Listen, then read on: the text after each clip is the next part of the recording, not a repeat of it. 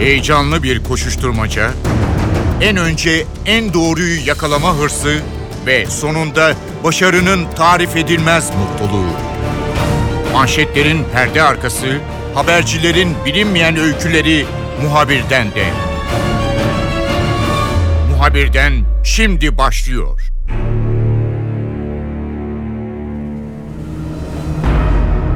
...2017'yi artık geride bırakıyoruz. Dolayısıyla muhabirden de konumuz 2017'de yaşadıklarımız olacak. Siyaseten neler yaşadık?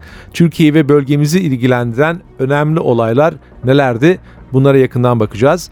NTV Dış Haberler Koordinatörü Ahmet Yeşiltepe bizimle olacak, notlarını paylaşacak. Muhabirden başlıyor, ben Kemal Yurteli.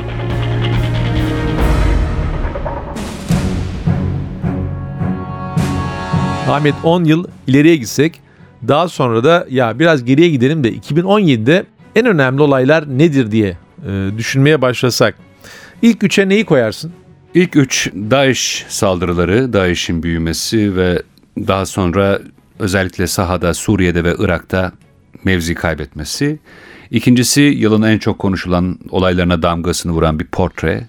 Tarihte eşine benzerine az rastlanır bir lider tipi. Amerika Birleşik Devletleri'nin 45. Başkanı Donald J. Trump yeryüzü dengelerini alt üst etti. Onun yılıydı 2017.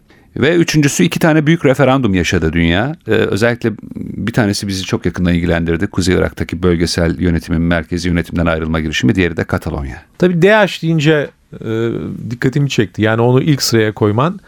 Şimdi tabii çok kontrolsüz, e, belli bir ideolojiye dayandığını söylemesine rağmen eylem biçimi olarak tamamen e, bir hunharca hareket eden, e, dini bir takım amaçları için kafasına göre yorumlayan son derece yani radikal de diyemeyelim onun da ötesine geçmiş ilginç bir örgüt. Çok hızlı bir şekilde mevzi kaybetti. Çok. Yani aslında beklediğimizden de hızlı oldu. Fakat yıla çok kötü başlamıştık. Herkesin hatırlayacağı gibi 1 Ocak gecesi İstanbul'da gece kulübüne yapılan saldırı 39 kişinin hayatını kaybetmesi, onlarca kişinin yaralanması. Ee, çok sarsıcı bir şekilde başladık 2017'ye. Yani Türkiye'den başladı iş. Hemen arkasından Mart ayında Musul'a girildi e, Musul'un merkez mahallelerine girildi. Daha sonra Rakka'ya yani fiili başkente yönelik operasyon başladı. İşte Suriye Demokratik Güçleri ki içinde YPG ağırlıklı olan güçler Rakka'yı bir zaman dilimi içerisinde ele geçirdi. Haziran ve e, Haziran'da artık Musul tamamen ele geçmişti. Temmuz ayının sonlarına doğru Ağustos başında Rakka düştü. Sonra Deir en önemli e, kalelerden birisiydi. Uzun süredir de direniş gösteriyordu. Oradaki e, Şam kuvvetleriyle yani rejim güçleriyle DAEŞ arasındaki mücadele 5 yıldır devam ediyordu. Orayı da kaybetti. Ve çöle çekildi DAEŞ. E, dediğin gibi hunharca yani insanın aklının havsalasını alamayacağı şekle şemale sokmuştu DAEŞ terör eylemlerini ki ilk 6 ayda İstanbul'da başlayan o maalesef ilk işaret fişeği gibi gördüğümüz terör saldırıları ardı ardına kesilmeden devam etti. İstanbul'dan sonra İngiltere'de iki büyük saldırı gördük. En önemlisi bir tanesi Westminster hemen kraliçenin sarayının önünde köprünün üstünde gerçekleşti saldırı. Daha sonra stadyumda konser sırasında çocuklara yönelik bir saldırı oldu. Genellikle intihar bombacıları ya da ellerinde işte bıçak, çekiç ne geçirdiyse insanları kovalayan deliler ya da kiraladıkları kamyonlarla, arabalarla insanların üstlerine e, bu araçları süren hakikaten insan diyemeyeceğimiz tipte tuhaf beyinleri uyuşturulmuş bir tip terörist. Barcelona'da gördük, İsveç'te gördük, Stockholm'de, Norveç'te gördük bunları geçen senenin ilk 6 ayında özellikle. St. Petersburg'da, Rusya'da gördük, New York'ta gördük sonra. Çok şükür ki Türkiye nispeten kötü başlamıştı ama e, yani en azından büyük merkezlerde DAEŞ saldırıları çok fazla yoğunlaşmadı ama Batı çok yoğun bir biçimde DAEŞ saldırılarının hedefi oldu. Batı'nın e, metropolleri. Bir de tabii çok ilginç bir şekilde İran'da DAEŞ saldırısı gerçekleşti Tahran'da. Hiç onu unutmamak lazım. İlk defa Tahran'da böyle bir saldırı gerçekleşti. Bir de tabii Mısır, Sina Yarımadası ki son dönemde uzmanlar DAEŞ'in 2017 e, yılında mevzi kaybettiğini Suriye ve Irak'tan çekilmekle birlikte Mısır'da, Sina Yarımadası'nda ve Kuzey Afrika'da, Mağrip'te yani Tunus, Cezayir, e, Libya özellikle gibi ülkelerde yeniden örgütlenme faaliyetleri içerisine girdiğini belirtiyorlar. Şimdi birinci sıraya koyduğun için e, bu DH ile ilgili bir sorum daha var.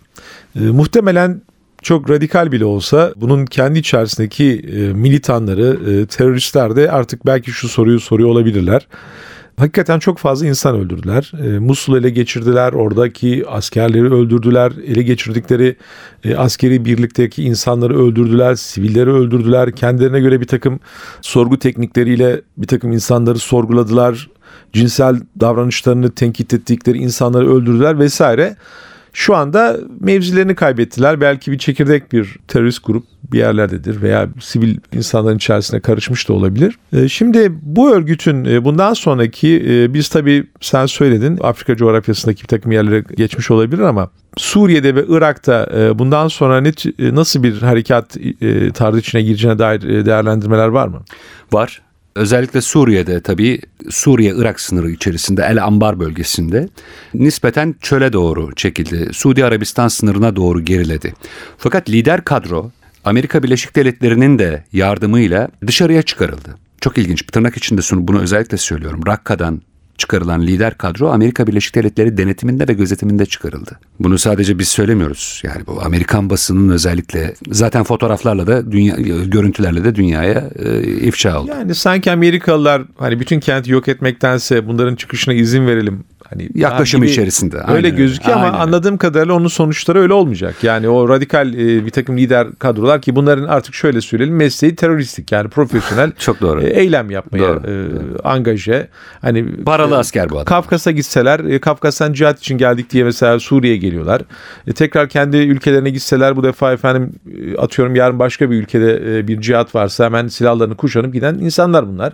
E, böyle sürekli dolaşan tipler. Yani bir gün Afganistan'da görebilirsiniz. Bir gün Kafkaslar'da, bir gün işte e, Afrika tarafında yakında demek ki gözükecekler.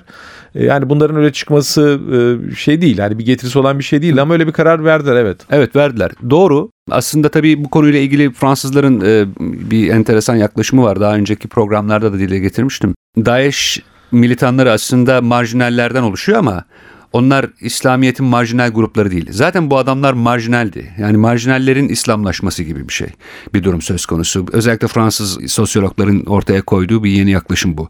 Yani bu adamlar zaten paralı asker gibi. Sağlıkları, akıl sağlıkları, ruh sağlıkları çok da yerinde olmayan adamlar. Dünyanın değişik yerlerinden toparlanmış adamlar.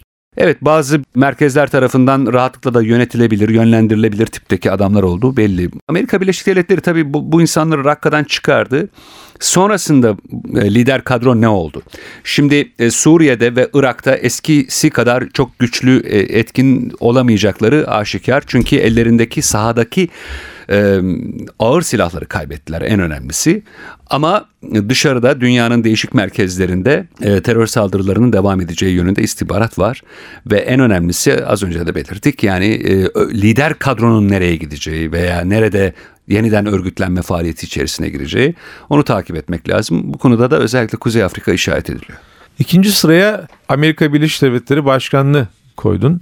Şimdi tabii göreve geldiği zaman önceki e, portresine bakarak e, bunun garip şeyler yapacağı ve bir takım ilginç kararları e, yaşama geçireceği söyleniyordu ama herkese bir parantez açıyordu. Hani Amerika'da kurumlar çok oturmuştur. Aslında başkan çok büyük bir harekat sahası e, alanına sahip değildir. Dolayısıyla e, daha bu e, radikal bir takım fikirleri ve davranışları e, yumuşar ve hani hükümdar olmanın, hükmetmenin getirdiği e, sorumlulukla beraber de olgunlaşır diyorlardı. Ancak Trump kısmen böyle bir e, portre çizse bile bazen de eğer hani bir yerde karışıklık yaratmak veya bir takım işleri e, bulandırmak bir liderlikse o açıdan başarılı bir lider gibi davranmaya başladı. Yani durup dururken Orta Doğu'daki statikoyu olduğu gibi sarsacak bir takım e, adımlar içerisine giriyor. Veya ülkesinin yer aldığı bir takım uluslararası anlaşmalar, toplantılar, kuruluşlarda e, tamamen çok farklı bir takım e, söylemler gerçekleştiriyor ve kafaları karıştırıyor. Bu açıdan açıdan herhalde başkanlık döneminin açıdan yani karışıklık yaratmak bir başarıysa iyi bir başarılı bir başkanlık dönemi geçiriyor diyebiliriz. Sen onun için ikinci sıraya koydun. Evet yani Donald Trump yeryüzü dengelerine sürekli müdahale eden kararlarıyla e, şüphesiz yılın en çok konuşulan adamı lideri oldu. Tabii son Kudüs kararı e, genellikle aslında gelecek yılla ilgili umutlara gölge düşürdü diyebiliriz. Ama Amerika Birleşik Devletleri içerisine baktığımızda çok ilginç. Yani mesela bugün bir araştırma vardı. 30'dan fazla yöneticisini atamış ve ilk 6 ayda atamış ve 30'dan fazla bu, bu yöneticilerini geri çekmiş. Yani istifa ettirmiş ya da görevden almış. Dengesiz bir yönetim anlayışı var. Fakat bakıyorsunuz dünyanın en büyük sanayi endeksi e, New York borsasının sanayi endeksi Dow Jones'a Yani dünya e, sanayinin e, en büyük devlerinin olduğu kote edildiği endekse bakıyorsunuz. Bir yıl içerisinde 72 defa rekor kırdı. Yükseliş rekoru kırdı. Amerika Birleşik Devletleri ekonomik resesyondan çıktı. İnanılacak gibi değil. Ve Amerika diyoruz ki Amerikalılar bu adama deli diyor. Amerika'da anketler hala e, Trump'a desteğin %50 üzerinde gösteriyor. Trump amiyane ifadeyle biraz avam bir yaklaşım belki abuk subuk davranışlarıyla belki dünyada korku, dehşet uyandırdı ama Amerika Birleşik Devletleri içerisinde popüler bir yaklaşım, bir siyasetle yerini sağlamlaştırdı. İkinci kez seçimlere girse şimdi şu anda yine çok zorlar. Yani baktığımızda Trump'ın 6 Aralık deklarasyonu, Kudüs deklarasyonu evet Orta Doğu'da ciddi bir sıkıntıya yol açtı. Kendi yanına cephesine çektiği Suudi Arabistan özellikle bir an için acaba ben bu adamla doğru bir şekilde doğru yolla mı gidiyorum diye bir sordu ama tabii orada prens, genç prens e, aslında Trump'la çok yakın işbirliği içerisinde özellikle damadıyla yani Suudi Arabistan Amerika işbirliği önümüzdeki dönemde devam edecek. İsrail'le ilişkiler, yakın ilişkiler, İsrail politikasına uygun ona paralel yaklaşımlar devam edecek. Trump Orta Doğu'yu özellikle Suriye bağlamında yeni e, yılda karıştırabilir. Biraz ona dikkat etmek lazım. Çok ilginç bir adam. İklim değişikliği yani iklim anlaşmasından çekildi. Trans Asya Pasifik ortaklığından ticaret ortaklığından e, çekildi. NATO'dan çekilme konusunda bir takım tehditlerde bulunmuştu. Onu yapmadı ama katılımcı ülkelerin payını arttırması gerektiğini söyledi ki bunlar da yapıldı. Baktığımızda damgasını vurdu aslında. Ben e, almanak hazırladım. Dediğin gibi ajanda almanak hazırladım 2017 yılı için. Hangi olay yani uluslararası çerçevede hangi olaya önemliyse bir bakıyorsunuz altında Trump etkisi var. Domino efekti gibi. Yani bir e, bir itmiş bir başka taş hareket etmiş yerinden. Yani özellikle Mart ayında geçtiğimiz ilk Orta Doğu ziyaretinde Suudi Arabistan ardından Suudi Arabistan'a gitti o meşhur ışıklı küreye elini koydu Sisi ve e, Kral Salman'la beraber Orta Doğu'da radikalizme karşı mücadele teşkilatını kurdular ya o ışıklı kürenin önündeki fotoğraf aslında bence 2017'nin en önemli siyasi fotoğrafı. Üçüncü sıraya iki tane referandumu yerleştirdin. Bunlardan bir tanesi Kuzey Irak'taki referandum. Ben tabii bu senin tercihin ama Kuzey Irak'taki referandumun sonucuna baktığım zaman veya hiçbir şeye etkisi olmadığını, etkisi olmadığını düşündüğüm evet. için onun açıkçası 2017 üzerinden dünya tarihinde veya yakın zamanda ne ifade ettiğini tam çözemiyorum. Onun için oraya koydun mesela. Şöyle e, aslında hemen arkasından YPG ile mücadele var e, dördüncü sıraya. Ben biraz Türkiye, Turkish Connection dedikleri Türk ilişkisi, Türk bağlantısı üzerinden Kendi gidiyorum. perspektifimizden bakacağız mutlaka. Kendi. Ama, hani, ama uluslararası... bir fantazi gibi bir şey olarak kaldı ortada. Şöyle tabii o bir hayal kırıklığı. Katalonya'da öyle. Ama nihayetinde eğer işler tersine gitmiş olsaydı ne olurdu sorusu var. Tabii ona izin verilmezdi ama yani verilmedi de gerçi ama başta Kerkük olmak üzere yani birçok konu yeniden e, gündeme geldi. Türkiye aslında biraz e, özellikle Irak bağlamında bir iman tazeledi. Oradaki Türkmenlerin varlığını hatırladı mesela. O yüzden Kuzey Irak referandumunun pek çok açıdan önemi var. Petrol akışı konusunda e, Türkiye yeniden bir hat şimdi inşa ediyor Irak'la birlikte. Bir de tabii ister istemez yani Türkiye'nin beka sorunu olarak kabul ettiği bir Kürt meselesi var. Yani e, hem Irak'ta hem Suriye'de.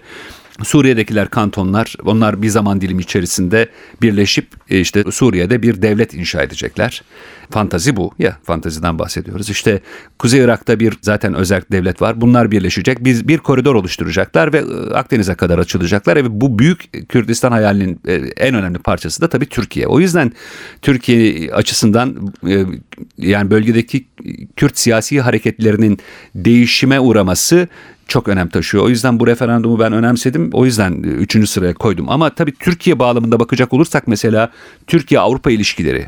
Mesela 16 e, Nisan referandumu öncesinde e, inişler çıkışlar, Türkiye'nin üyeliğinin gözden geçirilmesi ve Türkiye'deki bazı kurumların yeniden gözetim ve denetim altına alınma kararı, Avrupa Parlamentosu'nun almış olduğu kararlar bunlar önemli yine yıl içerisinde bence en önemli konulardan birisi bu Kürt meselesiyle ilgili olarak Astana sürecinin Soçi'ye evrilmesi.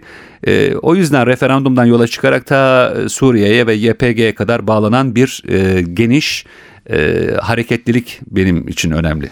Şimdi senin listene baktığım zaman bunlar genelde aslında bir takım çok ciddi krizlerle beraber e, listene girmiş gibi gözüküyor. Ama sen e, 2017'nin tümünü e, takip ettin. E, dış haberler masasında. E, bize biraz böyle hani 2017'de e, insanlar için daha e, iyi şeyler ifade eden e, birkaç şey söyleyebilir misin? Yani benim aklıma bir şey gelmedi. Mesela ben şunu sormak isterdim. Hani çok sağlıkta inanılmaz bir şey acaba Evet. insanlık olarak biz 2017'de başardık mı veya dünya barış açısından hakikaten de çok da olmayacak bir şeyi e, bir ülke gerçekleştirdi mi? Hani ben böyle anılmasını isterdim. 2017'de demek istiyorum. Veya bir çocuğun hikayesi olsun veya uzayla ilgili bir şey olsun veya başka bir şey olsun.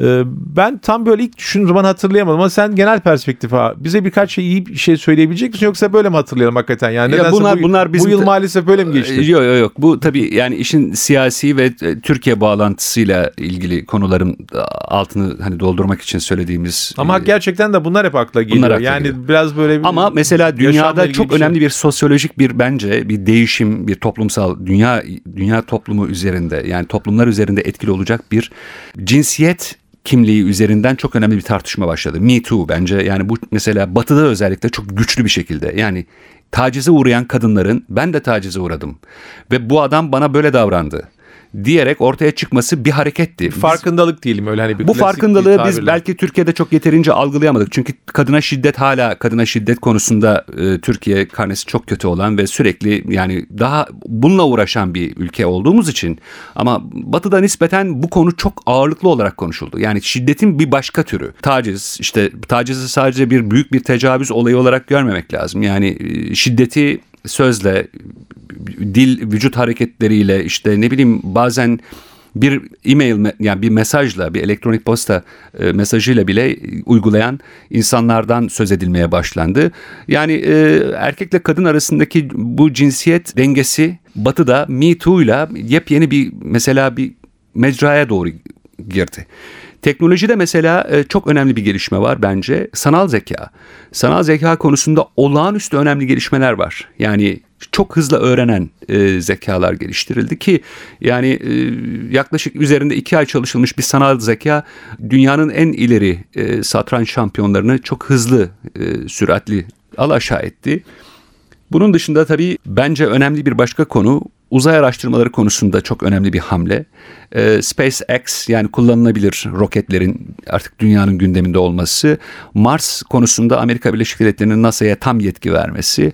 Ee, Ay'a yeniden yakın zamanda önümüzdeki 10 sene içerisinde Ay ve hemen arkasından Mars projelerinin artık hayata geçiyor olması ve bunları sadece NASA değil özel şirketlerin üstlenmesi de ilginç. Tarım teknolojisinde önemli ilerlemeler var. Sentetik gıda üretmek konusunda özellikle ve sentetik et üretimi konusunda enteresan gelişmeler yaşandı 2017'de. Ahmet evet önce listenin ilk 3 sırasında yer alan hakikaten de biraz da içimizi e, karartan e, bir takım haberler var ki bunlar artık e, yaşandığı için de do- doğal olarak senin listene girdi. Ama devamında belki de 2018 için biraz umut veren e, başka başlıkları da bizimle paylaştın. E, ajandayı sanıyorum e, NTV ekranlarından zaten ayrıntılı olarak izleyeceğiz, izliyoruz, devam ediyoruz. Sizin masanızın hazırladığı bu çalışma diğer birimler de benzer çalışmaları yaptılar. Onları da takip ediyoruz. 2017'yi iyi bir şekilde hatırlıyoruz yani ayrıntılarıyla. Notların için çok teşekkürler. İyi bir yıl diliyorum. Kolay gelsin. İyi yıllar.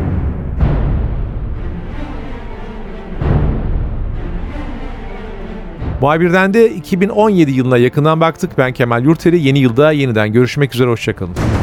Haber için değil de haberin hikayesi için şimdi onlara kulak verme zamanı. Muhabirden NTV Radyo'da.